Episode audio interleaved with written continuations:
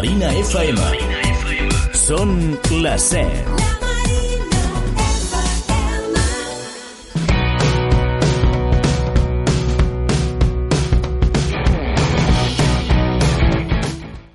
Bona tarda, són les 7. Iniciem el Portes Obertes, el programa d'entrevistes de la Marina FM. Us parla Andrea Bello. Iniciem un nou programa aquí al Portes Obertes. Com cada dimarts parlarem amb un convidat diferent. Avui tenim amb nosaltres a l'Helena López, la guanyadora del Premi Francesc Candel en modalitat juvenil. Finalista, perdó. Sí. sí. I, però abans tenim aquí amb nosaltres a l'Abdó Florenci, el president de la coordinadora d'entitats, perquè avui hem conegut eh, les notícies que finalment no es construirà el centre per a menors de Menes que estava previst fer aquí a la Marina. Hola, Abdó. Hola, bona tarda.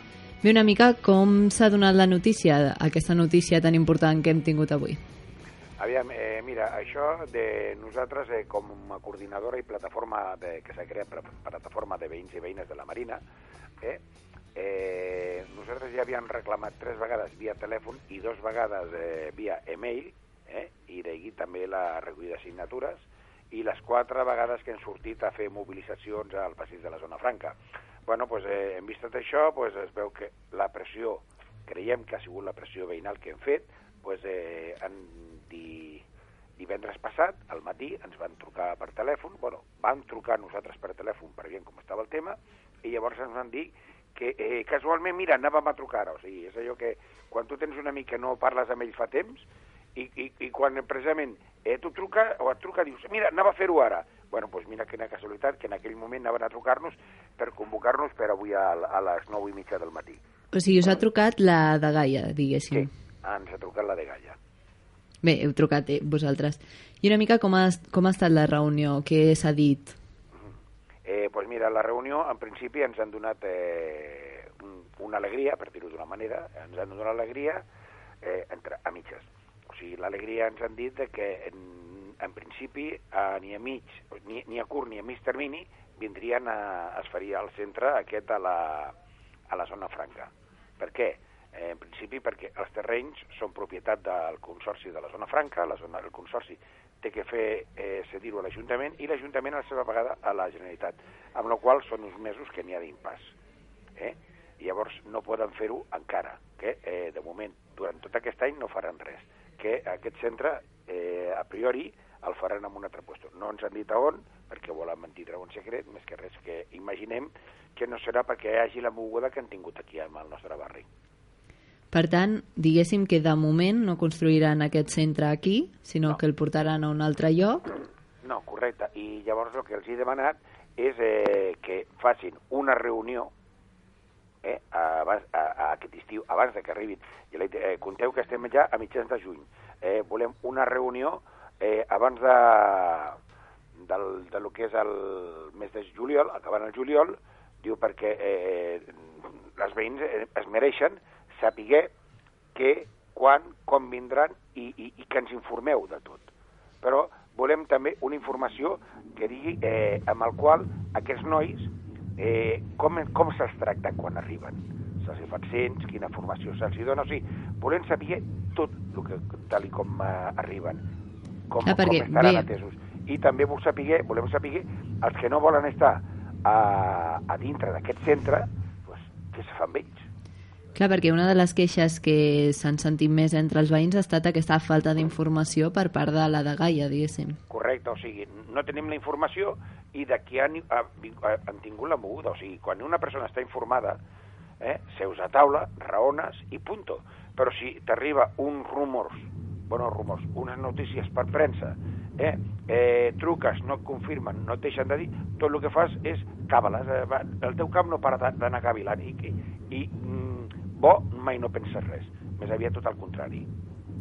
I qui era la reunió? Hi havia... Estava la regidora? Qui, qui no, hi havia? Mira, havíem per part del districte, estava el gerent, eh, el Francesc Jiménez, estava la Maria Rangel i la consellera Esther Pérez, per part del districte. Per part de la, de la coordinadora, pues, estava jo com a coordinadora, eh, Laura Julibert, que és la secretària de, de comerciants, i n'hi havia la Melània i el Rafael García per part de la plataforma. després estaven un membre per part de la Unió d'Entitats, eh, un membre per part de la Maria Pensionista i eh, un parell de més, dos membres més per part de l'engranatge. En total n'hi havia a la taula de 8 persones. N'hi havia la Georgina Oliva eh, i el seu gerent i dues persones més del seu equip. O sigui, eh, la informació que ens han durat ha sigut clara, ens han respost a totes les preguntes que hem fet, però eh, el que jo voldria, abans d'aquestes preguntes, és que vinguin aquí al nostre territori i donguin una informació a tot el veïnat, no sí. a les entitats només, perquè clar, han dit, no, o sigui que faríem una reunió amb, en, amb associacions, entitats i aquí, no, no, aviam, el que voldríem nosaltres no és associacions, sí, clar, estarem en primera línia, però al costat nostre també tenen que estar els veïns perquè la, la informació que els hi arribi no, no sigui allò esveiaixada, o sigui que el que jo pugui entendre que no malinterpreti i ho doni malament, sinó que sigui una informació directa i que si algun veí té alguna pregunta a fer, la pugui fer directament a la persona que li doni una resposta correcta. Clar, justament jo volia preguntar per això, per si ja s'ha comunicat d'alguna manera als veïns aquesta de, mig decisió de, de moment, no construir aquí al centre, o sigui, han estat ja informats? Mira, eh, en principi nosaltres hem fet un manifest, ara en aquest moment, casualment, allò de les casualitats, ara a les 7 de la tarda tenim reunió, ja estan aquí arribant els membres de la, de la plataforma, tenim una reunió amb ells perquè ens consensuar, el, eh, perquè clar, nosaltres no som d'aquells que diuen mira, jo he pensat perdó, i tiro endavant un manifest. No, no, nosaltres, eh, jo faig un esborrall, ara, si donen l'hoquei els membres de la plataforma i els representants de la coordinadora, que també este, estem a dintre, donem l'hoquei, avui mateix ja sortirà el, aquest manifest o aquest, o aquest comunicat amb el qual, eh, si vols, podríem arribar a una còpia.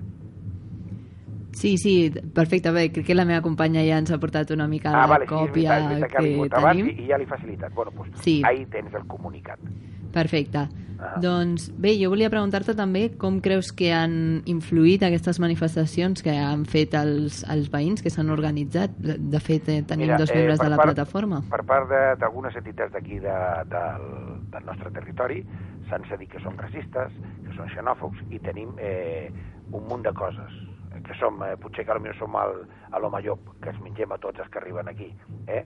Eh, abans tot al contrari. Si llegeixes el manifest, veuràs que és ben clar i concís. Nosaltres, la Marina, és un territori d'integració, d'acollida, amb el qual eh, van vindre els nostres avis, els nostres pares, han format aquí, eh, han format la, la, la, la seva llar, amb la seva família. Ha vingut gent de diferents països, de diferents... Eh, clar, eh, diria la paraula ètnies, diferents, però clar, segons la paraula que, que expressis avui en dia, de seguida tothom la treu amb pinces i diuen que ella és eh, racista. No, o sigui, ja no sé quina paraula posar, però han vingut gent de diferents eh, nacionalitats, han vingut negres, han vingut xinesos, han vingut pakistanesos, filipins i tot, i, i, eh, i estem vivint tots al barri, convivim aquí tranquil·lament. Pues perquè tothom ha vingut aquí a guanyar-se la vida eh, i a formar la, fa la família aquí. Aquests nois que venen, eh, els no vinguts, si venen amb aquest, amb aquest aspecte, doncs benvinguts. Ara, el que sí que també n'hi ha, dintre d'aquest col·lectiu de nens, sempre n'hi ha aquell que no es vol integrar, i aquell és el que fa mal a la resta. Perquè, clar, eh, llavors quan hi ha un, dos, tres, ja no només en aquest territori, sinó parlo a nivell de ciutat o a nivell de Catalunya, tu ja saps que en el moment que n'hi ha una bona notícia, que a un li ha tocat la loteria, ho diuen i una vegada, punto. Però quan hi ha un fet delictiu que és, eh, és dolent per a un col·lectiu, això es repeteix molt, amb la qual dona, quantes més vegades es diuen, més sensació d'inseguretat. Eh? Què passa? Pues que llavors, si n'hi ha uns quants nois d'aquests que no volen estar eh, recollits i es dediquen a la delinqüència, perquè serà, han de viure, això és comprensible, han de viure, i d'aquí una manera de treure els diners? Doncs pues delinquint. Aquests nois i noies, el problema que n'hi ha és que es veuen massa. I llavors què passa? Al veure massa, la gent veuen que són uns nois amb un cert color de pell, i els que fa eh, molts anys que van vindre aquí els seus pares i que són nascuts aquí, en el moment que n'hi ha un grupet de dos, tres nois, ràpidament els estigmatitzen, els hi posen eh, igual que els altres. I, I no és que digui que aquests són dolents, ni els altres són dolents, però el moment que n'hi ha eh, una poma podrida al cistell, com et despistis, et pica les altres. Per tant, tu creus que ha tingut algun efecte aquestes manifestacions sobre la decisió que ha pres la de Gaia? Total, un efecte total, jo crec que sí, total. Perquè, mira, la darrera manifestació dimecres passat, eh, el, el tap que es va fer va arribar fins al carrer Montaner. O sigui, això fons de, les guàrdies, de la Guàrdia Urbana. No és que diguis ha sigut una cosa petita, ha sigut una cosa grossa.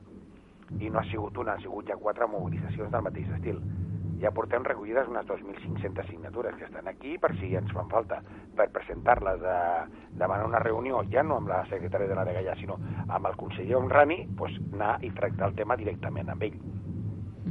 I creus que finalment s'acabarà construint o creus que al ja desplaçar aquest centre ja els terrenys aquests diguéssim no quedaran afectats? No, aviam, per lo que ens han dit aquest any, o sigui, des de l'any passat aquest, porten ja oberts 55 centres. Uh -huh. eh? eh, estan arribant, la previsió serà que a final d'aquest any hagin arribat a Catalunya uns 6.600 nens entre nens i nenes. Eh, nenes, no, no diria ni afortunada ni desgraciadament, no arriben tantes perquè eh, la, el que és la travessa per vindre aquí és un camí molt dur i moltes no arriben, ja es queden abans. Eh? Però eh, 6.600 eh, adolescents, diguem-ne d'aquesta manera, 6.600 adolescents seran el que arribaran aquí, calculen, que tindrem fins a final, a final d'aquest any. Són molts nens i nenes. Mm, jo no descarto que, que arribarà un dia que obriran alguna aquí. Però abans d'obrir alguna aquí, eh, eh, ens hem de sentar a taula. Ens hem de sentar a taula i volem tindre informació, saber què, quan, quins i com estarà, es, es tractarà aquests infants. És el que volem. Perfecte, doncs moltes gràcies a dos. Seguirem aquest tema des d'aquí, des de la Marina de prop. I bé, desitjar-te sort. En... Aviam, sort no, eh, aviam, és que aquí estem trepitjant sobre una línia una línia vermella que a més a més està sobre terres, de, sobre sorra movedissa. O sigui, eh, com ho fas? Perquè ningú, eh, quan a casa ningú eh, tens el, allò del, com diria, el llibre que diuen el perfecte, el perfecte marit o la perfecta dona. No, això no ho tenim. Eh?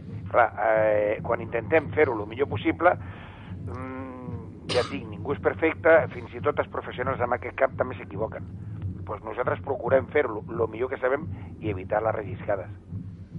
Exacte, una mica és difícil la teva posició d'estar una mica entre els veïns, potser la de Gaia negociant quin, bueno, i que s'informi als veïns de veritat, perquè és veritat que el que hem vist en Correcte. aquest cas ha estat una gran desinformació i que als veïns això és els que els ha per sobtat això més. nosaltres volem que, en comptes de fer de i dir que la de Gaia ens informi nosaltres els veïns, si plau, ens sentem nosaltres i veïns aquí, i tu ens informes.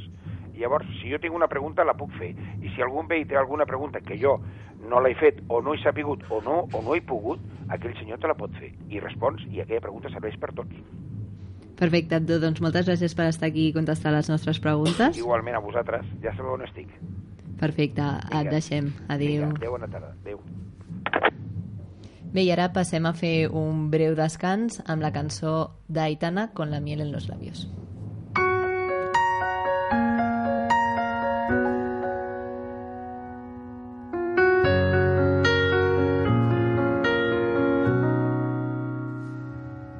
Disfrutamos de cada pecado, nos reímos y lloramos y nos vieron despeinarnos por ahí.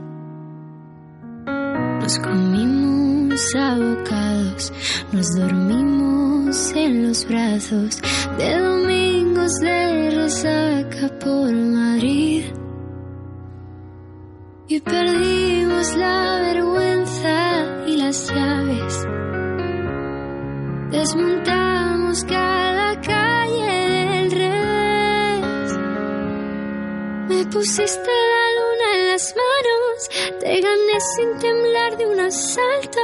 Nos rompimos el alma en pedazos. Me reclaman los años y no estás aquí. Me niego a borrar los mensajes. Prender fuego a la casa no sirve. El amor cambia, nunca se extingue. Cualquier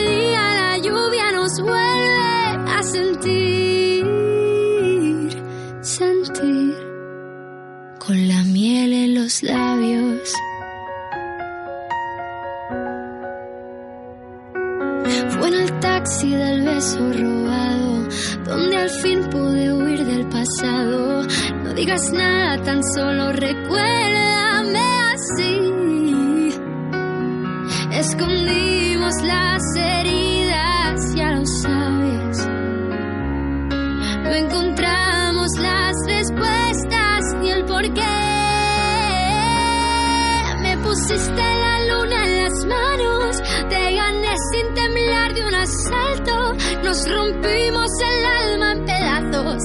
Me reclaman los daños y no estás aquí. Me niego a borrar los mensajes. Prender fuego a la casa no sirve. El amor cambia,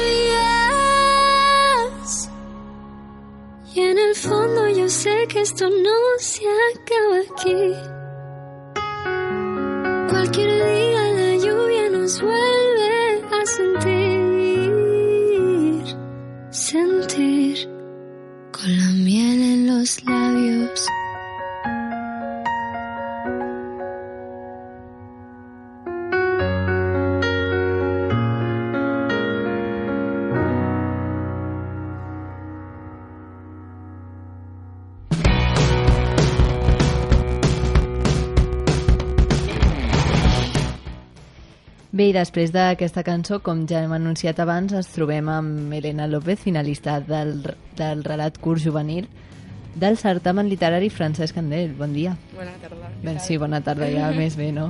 Ara, bon dia. Bé, aquesta ha estat la 26a edició del certamen que ha estat organitzada per tres biblioteques del districte de Sants Montjuïc, que són Vapor Vell, Poble Sec, Francesc Boix i, òbviament, la biblioteca d'aquí de la Marina, la biblioteca Francesc Candel, amb l'objectiu d'incentivar la participació ciutadana en projectes culturals i homenatge, homenatgejar la figura de Francesc Candel. Bé, una mica... Tu estàs en la categoria juvenil, per tant, és una categoria dels 13 als 18 anys. Tu quina edat tens? 17 anys. 17. Ets, és bastant joveneta per escriure. I una mica... Clar, és el primer cop que presentes a un certamen d'aquest caràcter, diguéssim, no? Sí, sí, sí, sense comptar els um, certaments que fan, bueno, els concursos que fan als instituts i tal, al meu institut en aquest cas, és el primer, sí. Bé, i al teu institut ja guanyaves els premis o...? Eh, bueno, vaig guanyar una tercera de l'ESO, crec, però poc més. Per tant, clar, per què decide... o sigui, quan decideixes, com decideixes presentar una història? Dius, sí, doncs he escrit aquesta història o vas primer escriure la història i després la vas decidir presentar o va ser al revés? Eh, sí, bueno, jo soc molt d'escriure mm, bastantes idees en, en un dia, en, un dia d'inspiració, per exemple, i, però després abandonar-les, no continuar-les mai. Però eh, un dia la meva professora de literatura castellana ens va comentar això, que estàvem fent aquest concurs i tal, i vaig dir, bueno, tinc un parell d'històries sense acabar, puc, puc acabar una i presentar-la. Llavors, I una mica, clar, com et vas inspirar per fer aquesta història? La història que es diu Morir ahogada. Mm -hmm. Doncs això m'ho van preguntar al- all- allà al, a la biblioteca també, però no vaig saber molt bé què contestar perquè, eh, com t'he dit, eh, soc molt d'escriure moltes històries, moltes idees i després deixar-les allà, però quan, vaig, eh, quan va arribar el moment de presentar-me vaig veure aquesta història i com no me'n recordava molt bé de quan, quan l'havies mm, decidit escriure, per què, però em va agradar, llavors va- vaig decidir continuar-la. Sigui, no te'n recordes ni de quina va ser la inspiració, simplement va ser un dia, No. doncs estaves inspirat, que per cert després escoltarem t'escoltarem llegir Mhm. la teva història, per tant, si es queden una estona més els, els oients podran escoltar-la sencera. Clar, i una mica explica'ns, fent un, un tastet en què consisteix la història. Eh, doncs, bueno, el tema principal és l'amor, com diu el, el títol, Mhm. i bàsicament és d'una dona que eh, està, està sequestra, se, sí, sequestrada Segrestada, sí? i mm, doncs la, la tiren a una piscina i doncs es mor, no? com diu el, tit, el títol, bàsicament això. Es mor. Bé, ja ho veurem, Es no? mor. En Ho principi- veurem. Bé, clar, i és que això, clar, d'on sorgeix una història així? O sigui, no sé, què t'inspira per escriure? O sigui, tu quan dius que escrius moltes històries, d'on les treus? Clar, és que en principi jo m'inspiro de o sentiments que en un moment jo sento o situacions que mm, visc jo, que llegeixo, que veig a pel·lícules o sèries. Eh, llavors, eh, jo suposo que aquesta història la vaig, o sigui, em vaig inspirar d'alguna pel·lícula, no? Però no ho tinc molt clar, sincerament. No en tens molt clar. Bé, finalment vas quedar finalista i la guanyadora va ser Nora Stones. No sé si tu has pogut llegir la seva història. Eh, no, la veritat és que no. No, encara no? No.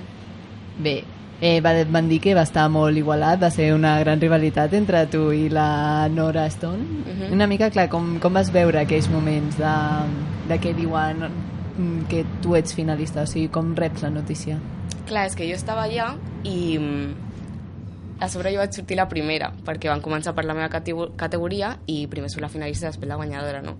Eh, llavors, eh, quan no, no hi havia ningú a l'escenari, ni un guanyador ni res, eh, em, van, em van trucar a mi. I clar, jo em vaig quedar una mica sorpresa. I ara què faig, ara què dic, saps? Clar, no t'ho esperaves? O No, no, no, què va. Perquè això jo em vaig presentar, bueno, per presentar-me, perquè estava la biblioteca aquí al costat, no, no perdia res. Clar, perquè és un certamen on s'han presentat gent de tota Espanya, per tant, cada finalista ja, Sí. ja és molt. A més, tu ets d'aquí, de la Marina. Sí, correcte. De tota la vida. No sé si el barri aquest t'inspira d'alguna forma, estar, el viure a la Marina t'ha inspirat d'alguna manera a escriure alguna història, potser més d'aquí? Eh, jo crec que m'inspiren més eh, situacions, no? Mm. Per exemple, al meu institut, situ- situacions que visc o que, o que veig, i mm, amb els meus amics, quan surto aquí pel barri, situacions, eh, això que, que jo veig, eh, però el, el barri en si no sé si, si m'ha inspirat en alguna història. Bé, i això que dèiem de l'entrega de premis, que vas estar allà, Mhm. una mica què, què et va semblar? L'entrega en si, potser era un acte molt... molt... Sí, em va semblar molt guai perquè al principi va, mm, va sortir una noia que va, es va posar a cantar i tot i era tot com molt improvisat, no, no, estava, no estava pràcticament res preparat, ella eh, demanava mm, paraules al públic i feia cançons amb aquestes paraules i tot i com que no m'ho esperava, no? D'un certamen en principi tan, tan seri, Sí, Sèrio? clar, sí, potser... eh, llavors em va sorprendre molt això. Clar, i és això que tu dius, quan et diuen el teu nom, et sorprens, Mhm. I una mica que vas, com vas reaccionar? Clar, vas pujar, va- vas dir algunes... O sigui, et van demanar que fessis un discurs o alguna cosa així? Eh, sí, o sigui, jo estava molt nerviosa perquè això era la primera, no Sí. sabia molt bé què fer. I, i llavors em, vas, em van dir, eh, vols dir algunes paraules? I jo, home, no sé, és que no sabia molt bé què dir perquè, Sí. El típic, gràcies, mama. clar, gràcies als meus pares, Clar. no sé, no, no vaig dir res, la veritat. Bé, i a més el teu escrit, o sigui, una part dels premis, a part del del el guardó que suposo que tens, Mhm. que de fet és, és bastant maco, és un llibre Mm, així molt sí, sí. xulo. I a part del guardó i una part de diners, que també es van Mhm. rebre pel premi, a més, eh, el teu escrit serà editat, o sigui, serà publicat Mhm. juntament amb els altres guanyadors. Una mica com, com veus això de com que estigui el teu escrit en un llibre? Doncs m'incomoda una mica, la veritat, perquè jo quan escric eh, no és amb la finalitat d'ensenyar-s'ho a ningú. Jo escric per mi i, i ja. Llavors és una mica que tothom ho pugui llegir, que estigui en, un, en una mena de llibre i que tothom pugui llegir-ho és una mica, no sé, no em sento molt a gust, però... Per tant, clar, tu escrius per tu, o sigui, Mhm. vas escrivint, però mai has pensat en, doncs això, presentar-te en algun altre certamen o publicar-ho d'alguna forma? No, no, que va. Perquè això és molt... mm, Jo crec que són com molt, molt íntims els que, a les obres que jo escric, els relats. Llavors, de fet no m'agrada ni que la gent del meu voltant ho, ho llegeixi. Llavors, publicar-ho és com... No sé, no, no m'agrada. Per tant, en un futur ser escriptora, No sé, mai ho he pensat, la veritat, perquè, no sé, tampoc em considerava bona, per dir-ho així. Eh, jo escriu... Perquè ningú tampoc m'ho havia dit, no? Perquè tampoc ho havia ensenyat a ningú. Llavors, eh, no ho he pensat mal, mai, la veritat. per tant, la teva professora de literatura, que dit que és la Mhm. que va dir que estava aquest certamen, que us podíeu presentar i això, no ha llegit res teu? Eh, No, bueno, les obres que ens... Jo què sé, una... no? Clar, un, un resum d'aquesta obra, sí, però meu, com una idea meva en si, no. Per tant, en un futur no et veus publicant-les. No, la veritat és que no. I com et veus en un futur? No tinc molt clar encara què, què vull estudiar, però estic fent el batxillerat social. Per tant, m'agradaria fer alguna cosa relacionada amb el màrqueting, amb la publicitat, alguna cosa així. Que mm, també inclogués alguna cosa de creativitat en la que jo pogués eh, donar com renda solta a les meves idees, però no, d'escriptora no, la No? veritat és que no. Clar, és un, suposo que és una vessant més íntima Uh -huh. i és difícil també molts cops expressar-la i deixar que la gent la vegi. Sí. Per tant, clar, et vas sentir una mica exposada, potser, a l'hora de... Clar, perquè tu decideixes presentar-lo. Sí, eh, però mm, de fet jo vaig presentar perquè aquesta en concret no és tan no és tan íntima, no és tan, no és, òbviament no m'ha passat això, no? Però eh, la majoria de les coses que jo escric són això, sentiments meus i mm, vaig presentar això una mica per, per això, no? Per si possiblement, o sigui, si podia sortir guanyadora d'alguna manera eh, que no sigués tan íntim. I clar, has pensat, doncs, a partir d'ara, un cop ja has rebut aquest premi, no sé, a escriure més coses per, no, potser no tant per tu, sinó més per de cara a presentar-les?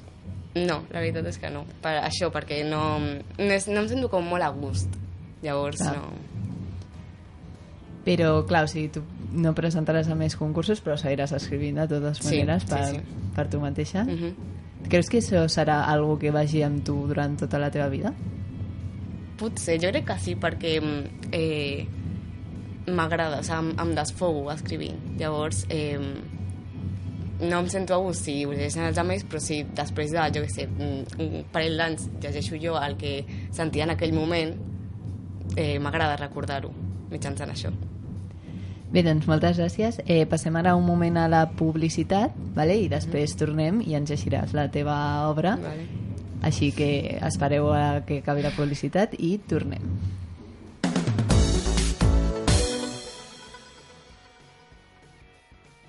¿Estás pasando por una situación que requiere asesoría migratoria? Nosotros te lo hacemos fácil, simplemente fácil. Somos abogados de inmigrantes con servicio low cost. No somos gestoría, somos abogados especialistas. Contáctanos a través del 655 370071 y no te pierdas nuestra promoción. Tus trámites por solo 254 euros, IVA incluido. Llámanos 655 370071. Simplemente fácil. Ahora más fácil. Però què és això que sona? Són les paradistes i els botiguers de Barcelona que són tan bons que es mereixen una rumba. Sona bé, oi? Descobreix totes les històries a barcelona.cat i a les botigues del teu barri. Ajuntament de Barcelona.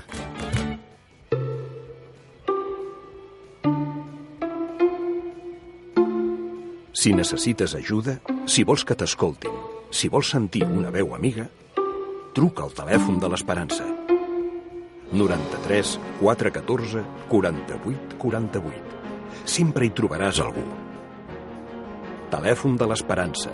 93 414 48 48. Sempre hi trobaràs algú. Joguines per als més menuts, llibres per passar una bona estona, la premsa del dia, les revistes del cor, articles per als fumadors, objectes de papereria. En definitiva, un gran regal o un petit detall, tot ho trobaràs a l'estanc Lídia Bono, al carrer Mare de Déu de Port 321. Fer voluntariat al Casal dels Infants és la clau. La clau per acompanyar infants, joves i famílies que volen tirar endavant. La clau per apostar per la igualtat d'oportunitats. La clau per transformar col·lectivament els barris. Tu també pots ser la clau. Vine a fer voluntariat al Casal dels Infants. Escriu-nos a voluntariat arroba casaldelsinfants.org O truca'ns al 93 317 0013. La vinya és molt més que un casal de barri. És convivència, és equip, és barri. Són tallers, informàtica, repàs escolar, dibuix i pintura, idiomes, costura, balls, música i molt més. Vine i descobreix la teva vinya. Et sorprendrà. Casal de Barri La Vinya al carrer Els Forns 87. La Marina FM a la xarxa. Busca'ns, interactua, participa. Totes les notícies que t'interessen. La informació dels nostres programes. La teva participació. La Marina FM és a la xarxa. Segueix-nos. Web www.lamarinadigital.cat Facebook Diari La Marina guió La Marina FM Twitter arroba La Marina FM i arroba La Marina Cat. La Marina FM La teva ràdio de proximitat Si ets empresari, situa't per competir. El polígon de la Zona Franca és la millor ubicació industrial i logística pel teu negoci. A Barcelona ciutat, amb les millors connexions internacionals, espais de 4.500 a 100.000 metres quadrats i amb condicions de lloguer flexibles. Zona Franca, el millor entorn pels negocis. El Consorci de la Zona Franca de Barcelona, entitat formada per Gobierno d'Espanya i Ajuntament de Barcelona.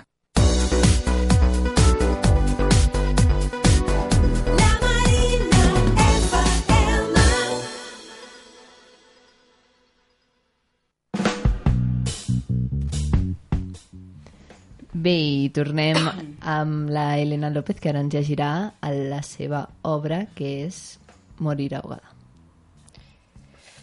Me desperté. Abrí los ojos lentamente.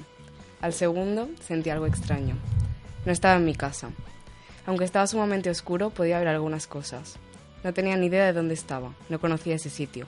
Era frío y húmedo, y no tenía ventanas. Parecía una cárcel. Pero eso no era lo que más me asustaba. Era el hecho de que no recordaba cómo había llegado allí. Intenté levantarme, pero me sentía demasiado débil. Poco después, la puerta se abrió, y entró un hombre delgado y bajo, vestido entero de negro y con un pasamontañas que le cubría toda la cabeza menos los ojos. Eran de un verde oscuro que me resultaba familiar. Grité prácticamente hasta quedarme sin voz, pero no sirvió de nada. Nadie me escuchó. Tampoco el hombre contestó nada de lo que yo le preguntaba. Él, cogió, él me cogió el del brazo, bruscamente para levantarme. Me ató las manos y me puso una venda en los ojos. Minutos después empecé a escuchar agua moviéndose, una especie de olas. No eran como las del mar, sino más pequeñas, más contenidas. No tuve que pensar mucho más cuando noté un fuerte olor a cloro. Estaba en una piscina.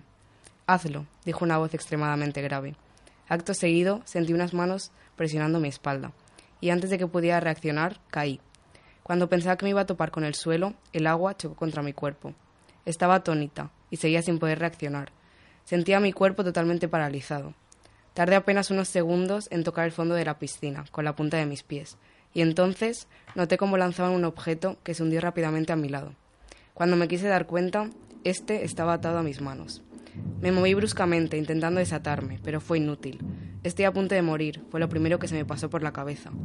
Dentro de unos minutos, el agua empezaría a entrar por, en mis pulmones, dejándolos sin oxígeno poco a poco. Hice todo lo posible por liberarme. Seguí intentándolo una y otra vez, hasta que lo sentí. El agua entrando en mi cuerpo, la falta de oxígeno, la incapacidad de respirar. Justo en ese momento fue cuando entendí eso de ver pasar toda tu vida. Todos mis recuerdos favoritos pasaban por mi mente en unos segundos.